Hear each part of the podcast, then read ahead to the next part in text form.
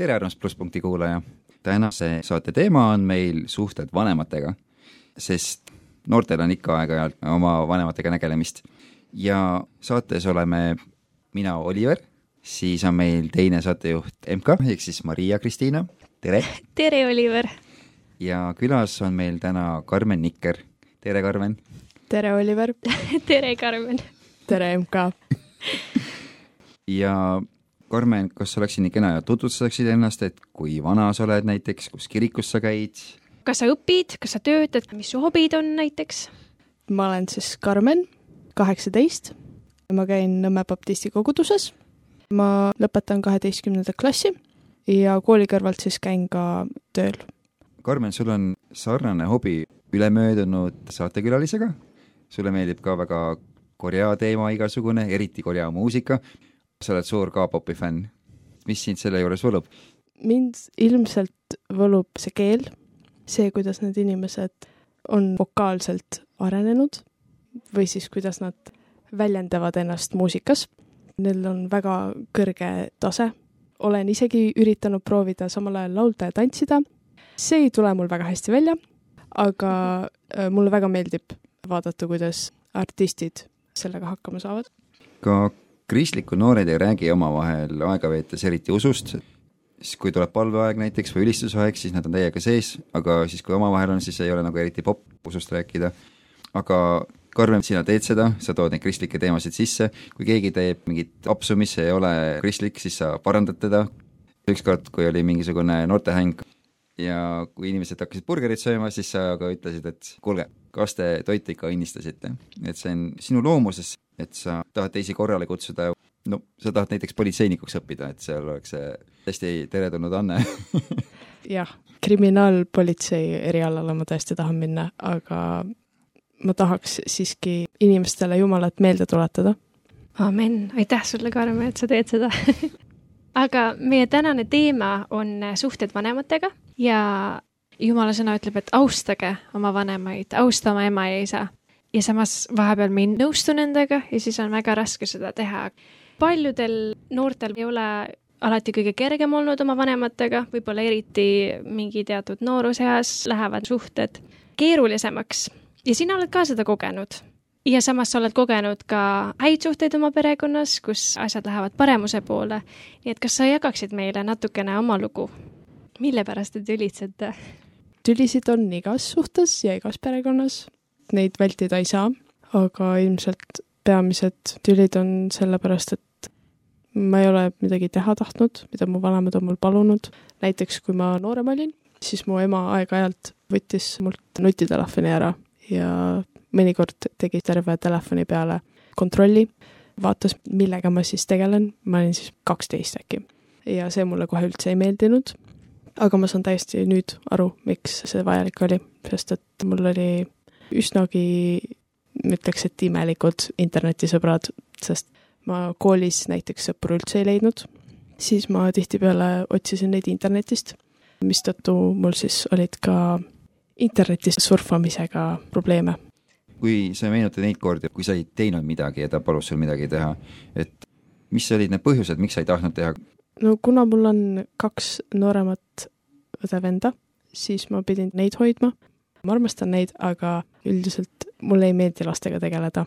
kui ma noorem olin, siis ma oma väiksema õe ja vennaga nii hästi läbi ei saanud, kuna mu väiksem õde kiskus tüli ülesse ja otsis asju, mille kallal nokkida. Õnneks see on nüüd väga palju paranenud ja ta rohkem enam väga nii ei tee, aga tookord siis oligi probleemiks see, et ta jälle kiusas kas siis mind või mu väiksemat venda ja sellest tuli tüli ülesse ja siis mu ema oli jälle pahane. nii et ilmselt ka seepärast ma ei tahtnud neid hoida. ja siis ma üritasin iga kord tuua välja mõne põhjuse, miks ma seda vältida saaksin. põhimõtteliselt siis tülid tekkisid sellepärast, et sa ei tahtnud teha seda, mida sulle ei meeldi teha? jah. no õnneks mu ema ei küsinud nii palju sellega abi ma arvan, et päris palju meie kuulajatel võib olla seesama, mis sinul, Karmen, et nad on kas siis keskmised või kõige vanemad lapsed ja siis nende vanemad paluvad neil hoida väiksemaid lapsi. mina olen oma peres kuuest lapsest kõige noorem, nii et mina pääsesin sellest ja ma arvan, et sellepärast ma armastan väga lapsi aga ma usun, et paljud, kes meid täna kuulavad, nendel on seesama, et vanemad paluvad hoida väiksemaid õdesid-vendi, aga tekib juba see, et ma enam ei jaksa. ma ise olen siis keskmine laps, mul on veel vanemad ka ja nüüd on aeg kuulata lugu, et mis sa meile siis alustuseks lased? mulle väga meeldib Püha Müristuse Fookus. selle laulu sõnum paneb mind mõtlema rohkem Jumalale ja tooma talle rohkem austust. ja nagu seal laulus on ka lauldud, et palun aita mul lükata paika mu fookus, siis ma tunnen seda, et ma tihtipeale kaldun tegelikult Jumala teest kõrvale. ja siis selle lauluga ma saan ennast tagasi rajale suunata see on tõesti väga hea laul, nii et kuulame.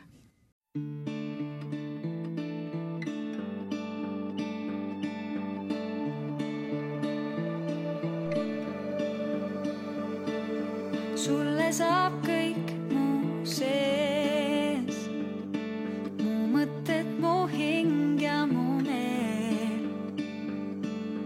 tule ja kasuta nüüd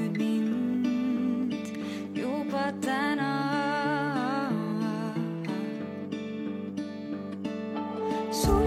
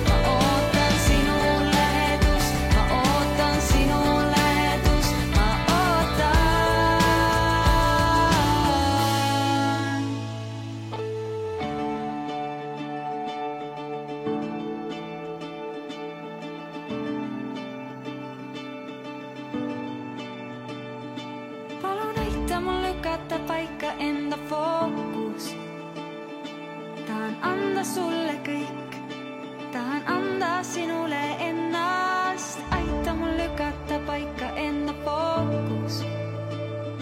las ma võta enda pilk, palun tõsta mu silmad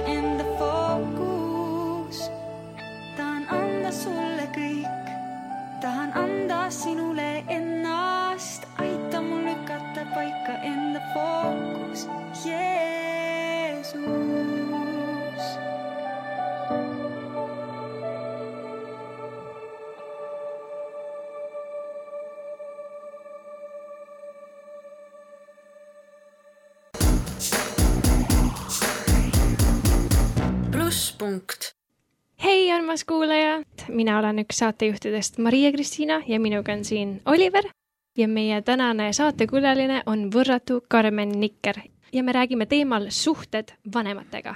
Karmen, mis sa arvad, kui palju on nendes mõnikord teravates suhetes olnud ka osa põlvkondade erinevusel, et teil ongi erinevad arusaamad, et nemad on lihtsalt vanemad ja sina oled noorem ja, ja maailm on muutunud vahepeal? ma arvan, et sellel mingi roll on ikka. ma ütleks, et ma olen liberaalsem kui mu vanemad. sa oled suur K-popi fänn, kas muusika maitse pärast on sul ka, ma ei tea, kirikus või vanematega mõnikord arusaamatusi tulnud? ma saan aru, et seal on ka kristlikku poolt tegelikult selles muusikas. arusaamatusi on kristlaste seas alati olnud. siis, kui ma noorem olin ja laagris käisin, siis ma mäletan, kuidas oli isegi üks seminar, kus Joonas Alvre rääkis kogu sellest muusikatööstusest ja milline elu neil artistidel on tegelikkuses. ja et kuidas see ei ole siis üldse Jumalat austav. ma olin seda juttu juba varemgi kuulnud, kuna ma olen seitse aastat olnud tegelikult K-popi fänn, siis ma olen omal käel tahtnud teada, milline elu neil artistidel tegelikult on. ja seetõttu kogu see jutt, mis seal seminaril räägiti, oli suhteliselt vana info juba minu jaoks. aga mulle on pidevalt siiski ka mujalt vihjatud, et mu muusikamaitse ei ole hea. kõik arvavad, et see on mul kui ebajumal. näiteks ema on mulle aastaid rääkinud seda, et see on faas, see läheb üle. sa pead aru saama, et see on halb, see ei ole jumalast. ma saan täiesti aru sellest arvamusest ja murest, aga ma ise nii ei arva. ma siiski ütleks, et see on midagi, mis teeb minust minu ja seda ei ole väga kerge mul lahti öelda. kuigi tegelikult oli ka mu elus periood, kus ma kaheksa kuud ei kuulanud üldse K-popi. Ja ma ütleks, et see aeg ma olin iseloomu poolest üsnagi igav inimene ja mulle see Karmen meeldib kõige vähem. ma olen tundnud soovi teada saada rohkem, millised on kristlikud artistid, kuna mulle väga meeldib see keel või üldse Aasia kultuur, siis mind paelub see muusika. Ja ma mõtlesin seda, et kui inimesed võtavad seda, et mul on K-pop ebajumalaks, siis miks mitte kristlikku muusikat lihtsalt korea keeles kuulata. ja tänu sellele ma siis leidsin eelmine aasta ka ühe K-popi artisti, kes on tegelikult kristlane. ja me saame seda varsti kuulata, kas on nii? jah, saab ikka. nii et põnevusega ootame. inimesed on emotsionaalsed olendid, jumal on meid niimoodi teinud, et kui palju erinevad elusündmused on sinu ja siis vanemate läbisaamist mõjutanud? üsnagi palju. näiteks paar aastat tagasi mu vanaema, kes elas välismaal, tahtis kolida Eestisse, aga mu perekond elas siis tema majas, mille ta oli siis lubanud meile kinkida ja ta siis viskas välja meid sealt. kuna sellised pinged siis meil olid perekonnas, oli meil üsnagi keeruline läbi saada omavahel, kuigi Jumal hoidis meid ja meil oli nii palju külma närvi, et me suutsime lihtsalt kokku hoida ja Jumala abiga siis sellest kogu asjast läbi tulla. asi läks ka nii kaugele, et meil oli siis ka kohtus jagelemist. kuid on ka teisi asju. kuna mind põhikoolis kiusati, siis mul oli endal väga raske enesehinnanguga ja üldse aru saada, kes ma olen. põhikoolis ma siis alustasin ka K-popi kuulamist, mis on siis mind aidanud sellega, et ma olen oma enesehinnangut selle abil siis tõstnud ja loomulikult on ka Jumal aidanud. terve põhikool, kui mind kiusati, siis ma meenutasin endale psalm sada kolmekümne üheksandat, põhiliselt just neljateistkümnendat salmi, mis ütleb siis, et sa oled kardetavalt imeliselt loodud. ja seda ma siis meenutasin endale iga päev ja üritasin kiusamisega hakkama saada. ja ma mäletan, kuidas see oli vist kuues klass, kus ma olin õnnelik selle üle, et Jumal oli minuga kogu see teekond ja et mul ei ole depressiooni. aga üllatus-üllatus, gümnaasiumis ma sain aru, et mul siiski on. umbes kaks aastat, ma olen endal kahtlustanud seda. ma olen psühholoogide juures käinud, aga seda õiget inimest, kellele sellest jagada, ma ei ole veel leidnud. ja see on siis ka väga palju mõjutanud minu ja mu ema ja teiste perekonnaliikmetega suhtlemist. Et siis kõigil olid omad pinged ja siis need kokku tulid selliseks mürgiseks kompotiks. jah, nii oligi. kuidas see väljendus, et kas te ärritusite üksteise peale kergemini? mu ema ärritub üsnagi kergesti ja seepärast ma siis pidin olema ettevaatlikum tema juuresolekul, aga siis, kui need probleemid selle majaga olid ja minu enda vaimsed probleemid, siis ta läks kergemini ärevaks mm. -hmm. Aga kui te olete saanud omavahel mingeid asju jagada ja südamest rääkida, kas neid on olnud ja kas need on aidanud suhtlemisele kaasa? Neid on olnud küll, muidu ma olen tegelikult väga kinnine oma vanematega. ma üldiselt ei jaga nendega asju, aga just eelmine aasta mu sees siis oli kõik nii hullult kuhjunud, et ma vihastasin oma ema peale ja siis see arenes edasi selleks, et ma valasin oma tunded oma ema peal välja ja ma rääkisin talle kõik ära WHO-s, mis oli siis mind aastaid häirinud, kas siis pereelus või siis koolis. ja see oli ilmselt üks murdepunkte meie suhtes, ma ütleks. kas peale seda on siis suhted paremaks läinud? jah, ma sain aru, et mul ei ole päris kõik korras ja ma läksin oma ema juurde selle jutuga, et ma kahtlustan endalt depressiooni, aga mu ema ütles, et, et see ei ole tõeline ja seepärast ma siis lükkasin ka selle ise kõrvale. aga siis, kui see murdepunkt oli, siis mu ema tõesti sai aru, miks ma seda endal kahtlustasin ja millised probleemid mul siis tegelikult võisid olla. nii et loo moraal ei ole see, et karju oma vanemate peale, vaid et ära kuhja enda sisse neid negatiivseid asju aastaid, mis ma arvan, mida mina olen teinud ja ma arvan, me väga paljud tegelikult teeme ka seda, kas teadlikult või alateadlikult depressioon on väga suur teema tänapäeval vanemate, nooremate seas, ka väga palju tegelikult on depressiooni kogudustes. nii et aitäh, et sa jagad ja sa julged olla haavatav. nüüd on meil järgmine muusikapaus ja Karmen, mis sul teiseks lauluks meile valitud on? seekord ma siis valisin ühe Korea artisti. tegelikult tema ise ei ole kristlane, jumal kõnetas mind kuskil kaks aastat tagasi, kui ma seda laulu esimest korda kuulsin ja mulle läks väga südamesse see laul. selle laulu pealkiri on Lay your head on me, mille esitajaks on siis Crush ja see laulab sellest, kuidas isegi kui sa oled raskustes, on oluline toetuda Jumalale ja panna oma silmad tema peale. amen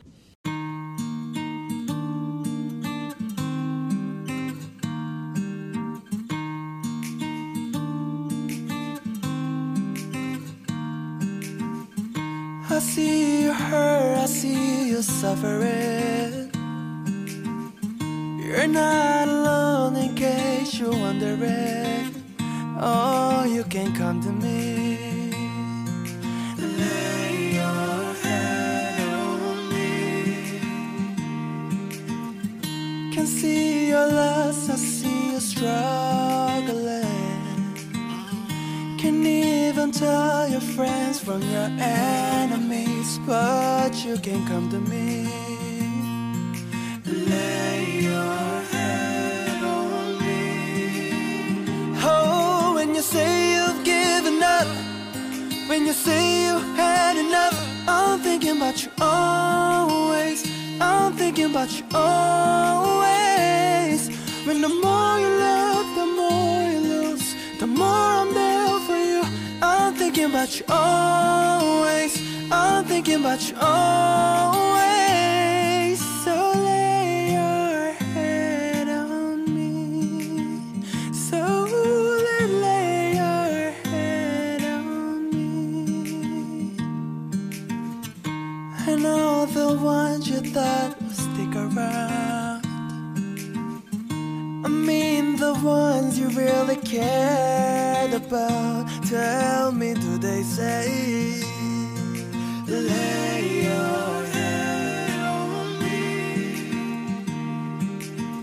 And I know when days are dark and you're drowning everything. And I know you try to numb cause you don't wanna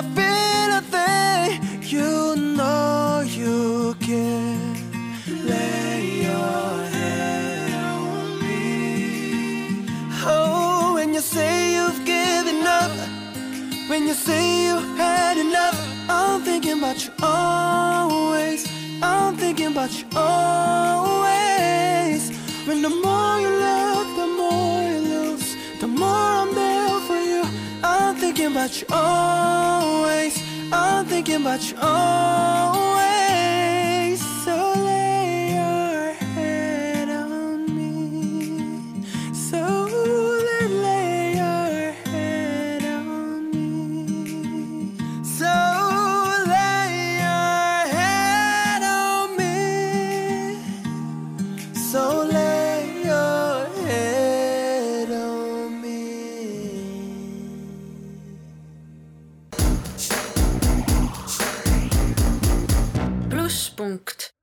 Armas kuulaja, jätkame saatega.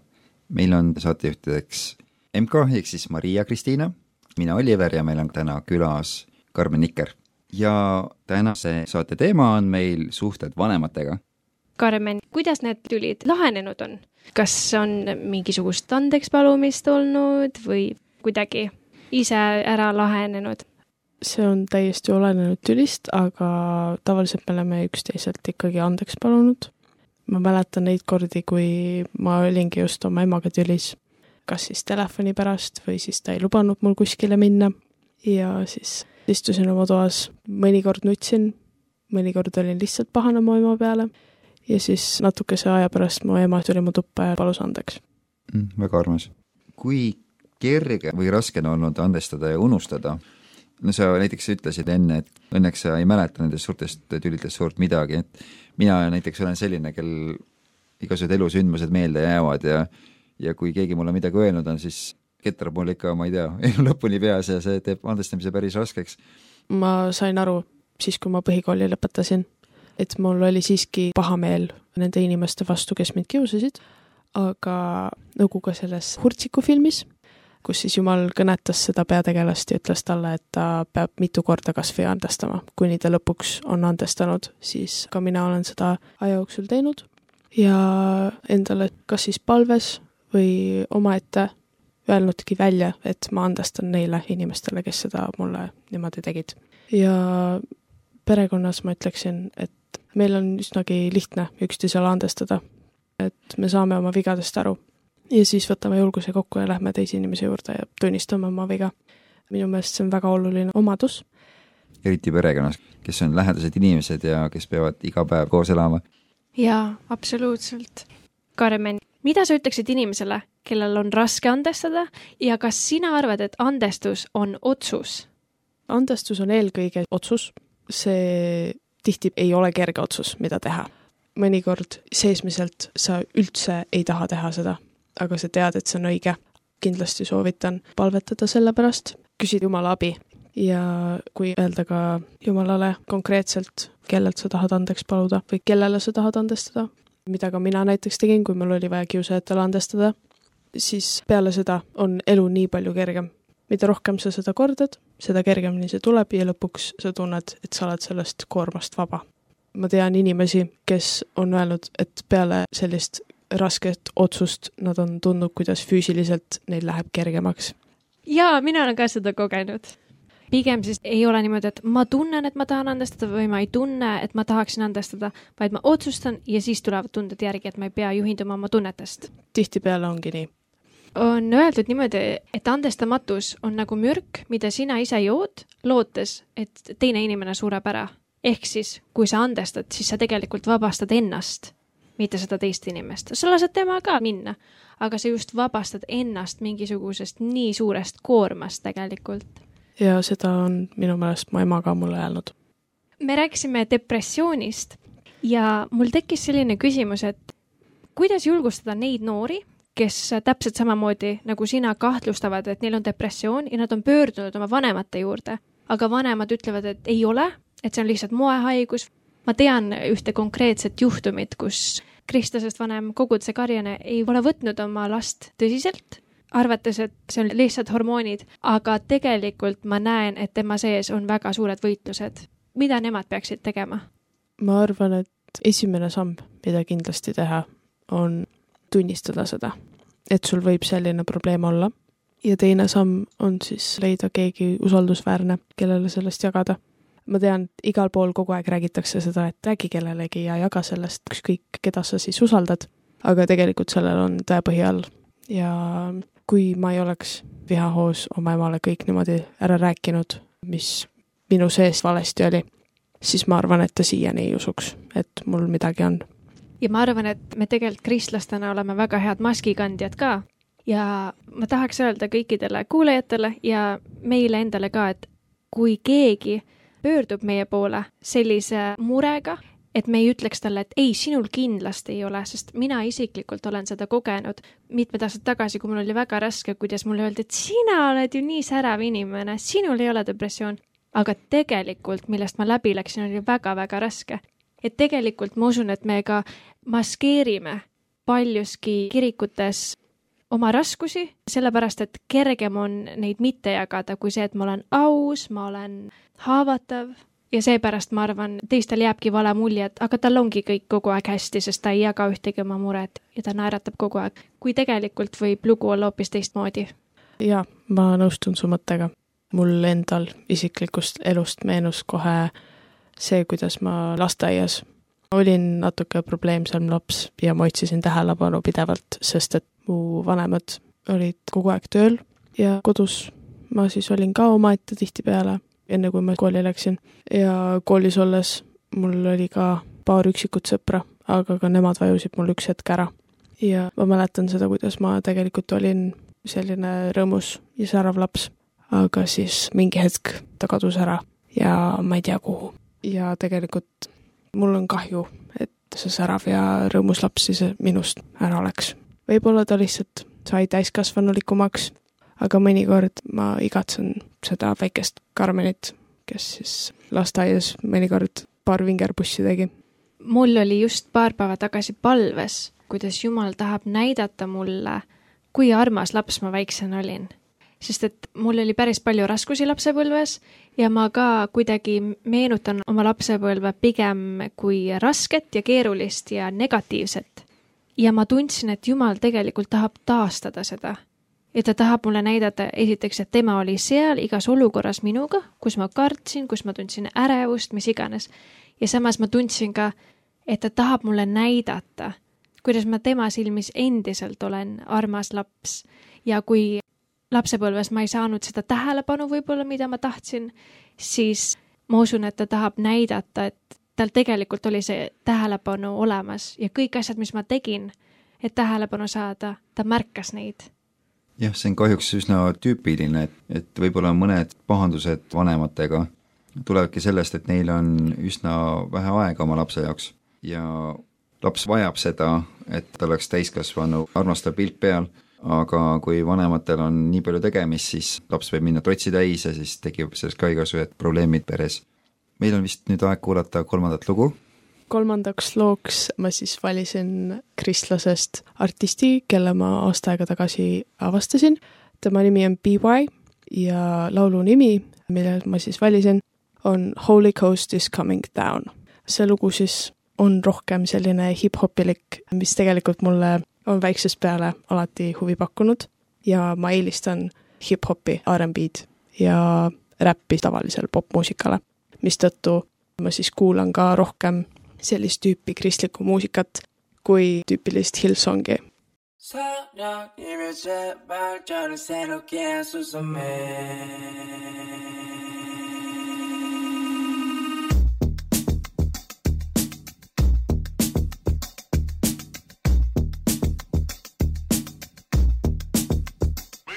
우리 머리 위에 기름. 정수리가 젖어 목을 타고 내리는 지금 때를 기다렸어. 어쩜 너 또한 못 들은 척 지나쳤던 목소리의 주인을 마주하겠지 한 번 더 이번엔 놓치지 마. 이건 내 삶을 손두리째 바꿔버릴 소식이다. 우린 bad news보다는 good news cipher. 내게 전하려고 하고 했어 지금까지도. 난 이 복음을 부끄러워하지 않아. 글로써 몸에 새겨 마치 발란스야가. 세상과 못 섞이는 놈네 판단이 맞아. 욕이랍시고 해봐야 는 대답하지 항상 넌 불로 세례받은 자를 본 적 없겠지. 성령에 사로잡혀 마주봤던 적 대신 하늘이 가까웠으니 이제 불태워 내 인생 새 시대. 불러 마치 존 테일 이거 대 하심 앞에 선 무릎 꿇어 그분의 권능을 겉옷으로 두르는 걸 보여줄 터이니 그 앞에서는 칼로 나두 눈이 떠지길 받아들여 이 압도감 Holy Ghost is coming down Holy Ghost is coming down Holy Ghost is coming down Holy Ghost is coming down Holy Ghost is coming down 성령 받아 새로운 것을 여전히 아는 너 빛나는 너 오늘 자랑의 아버지 아들 로 승리를 미하는 뭔걸 위하는 너왜 피하느냐 천국이 말듯 태워질 거야 네 디아블로. 무릎이 끄는 신세대가 붕 이렇게 새로 뜬눈 하늘에 부 보는 데자부. 지는 거 대체 어케 안오 나왜 아무? 말 못하는 거 그저 난 나대로 행한 뿐 우리든 나이트 마이크 증거를 죽이는 다이 마이. 세 번째 시선 또 부시는 다이 복 주시는 자이 작은 우시는 눈 부시는 자이. 자비하심을 도시 내 얼굴이 된 자이. 형식을 짓밟고 성령으로 거듭나. 하늘의 꿈을 꾸고 걸로 소명을 사내 적의 목전을 가려주가 베푸신 상이. 사랑으로 자유케 답도당이 열방이. 심판 대신 내가 원내 우원수 앞에서 난 누워서 뱉어 내 혀는 필객에 부어 죽이는데 눈이 멀었던 나도. 당신에게 눈이 멀어 마치 파블로 Holy Ghost is coming down. Holy Ghost is coming Ghost is coming down. Holy Ghost is coming down. Holy Ghost is coming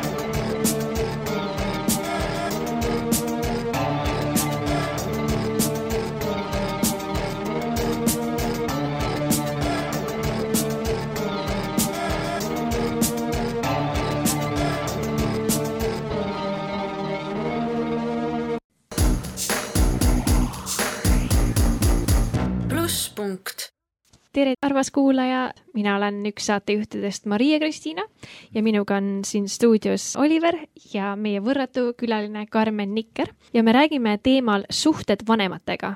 Karmen, milline on olnud Jumala abi nende suhete kordasaamisel? ma tean, et sa oled olnud mõnikord tülis, aga teinekord sa oled üliõnnelik olnud, et need suhted on paremaks läinud. kui suur osa on selles Jumalal?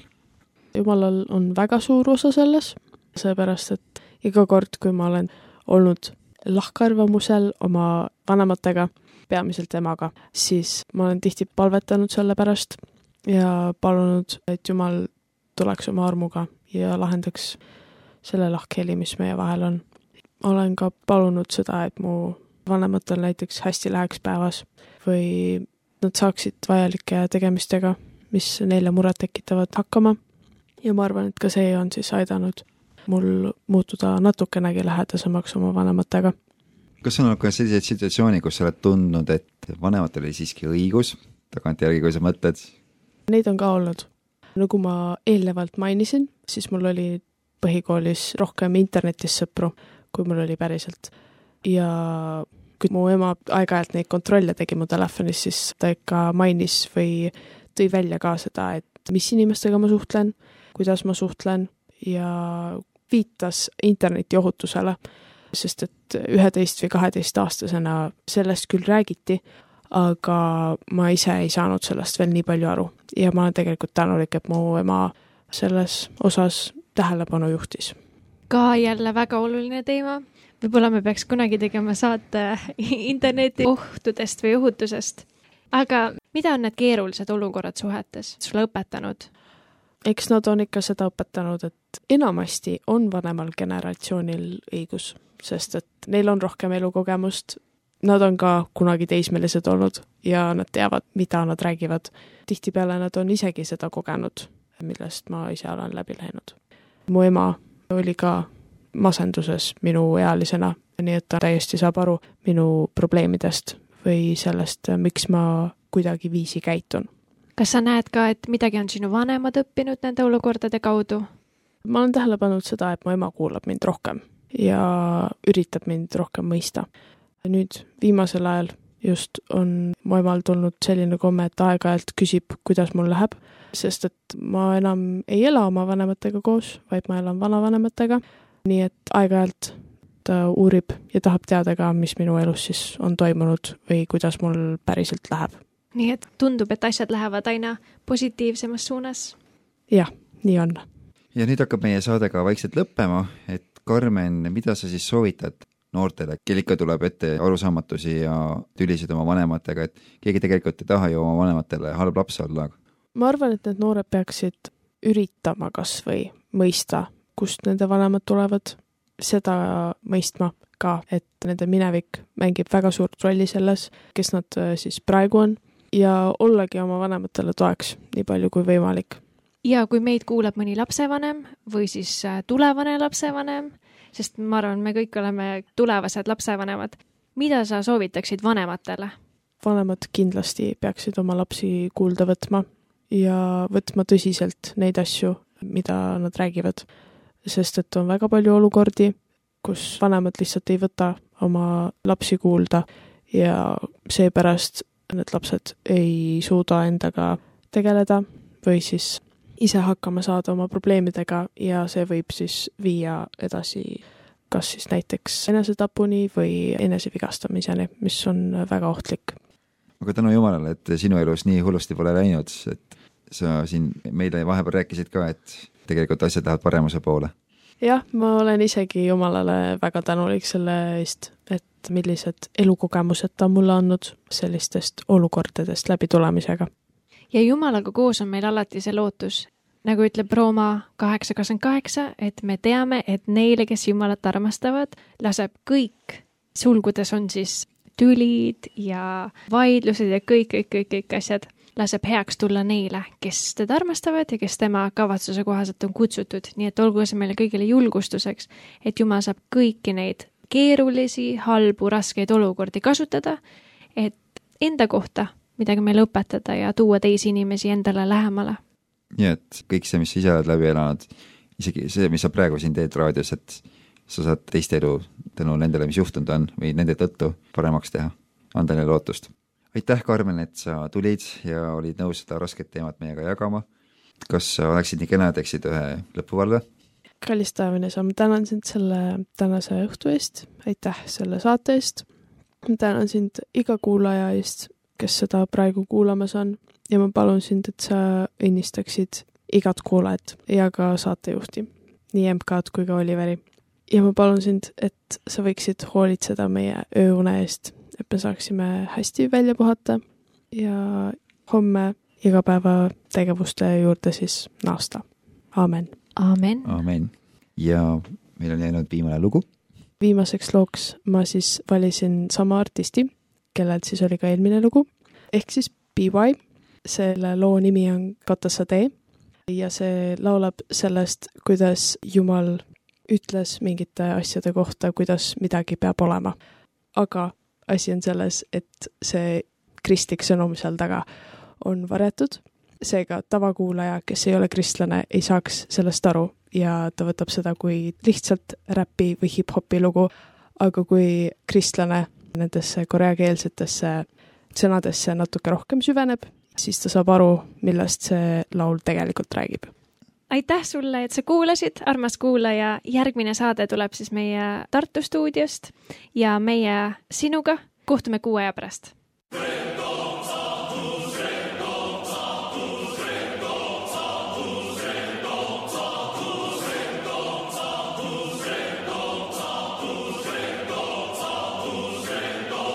비와 가라사대. 깜치지 말지어다. 나를 위로 불지어봐. 역사로 살지어다. 주인의 삶이 되지어다. 여기를 밝힐지어다. 여기다 삼킬지어다. 구하시는 기준이 나일지어다. 게 나일지어다. 비와 가라사대. 리더 날 따를지어다. 난 선구자일지어다. 누는 날 찾을지어다. 내 이름의 시대를 만들지어다 정글은 판을 지었다 잔들을 따르지어다 나는 되고 싶은 내가 될 지어다 내가 될 지어다 비와 가라서 돼 보는 빛이 가라서 돼 보는 거 위에 가라서 돼 You and me 가라서 돼 있는 위치 가라서 돼 뮤진 이제 가라서 돼 전설이 돼 가라서 돼 열매를 맺어 가라서 돼 비와 가라서 돼 비와 가라서 돼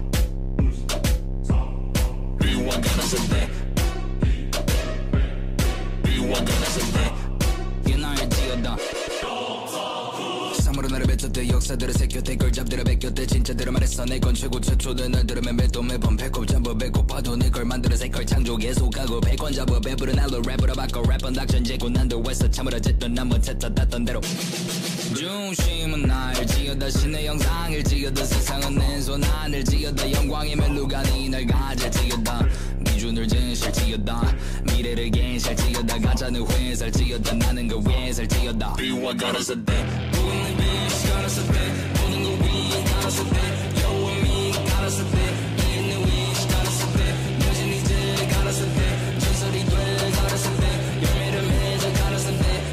Be a day. is one a day. Bir one ganas a day. One a day. One a day.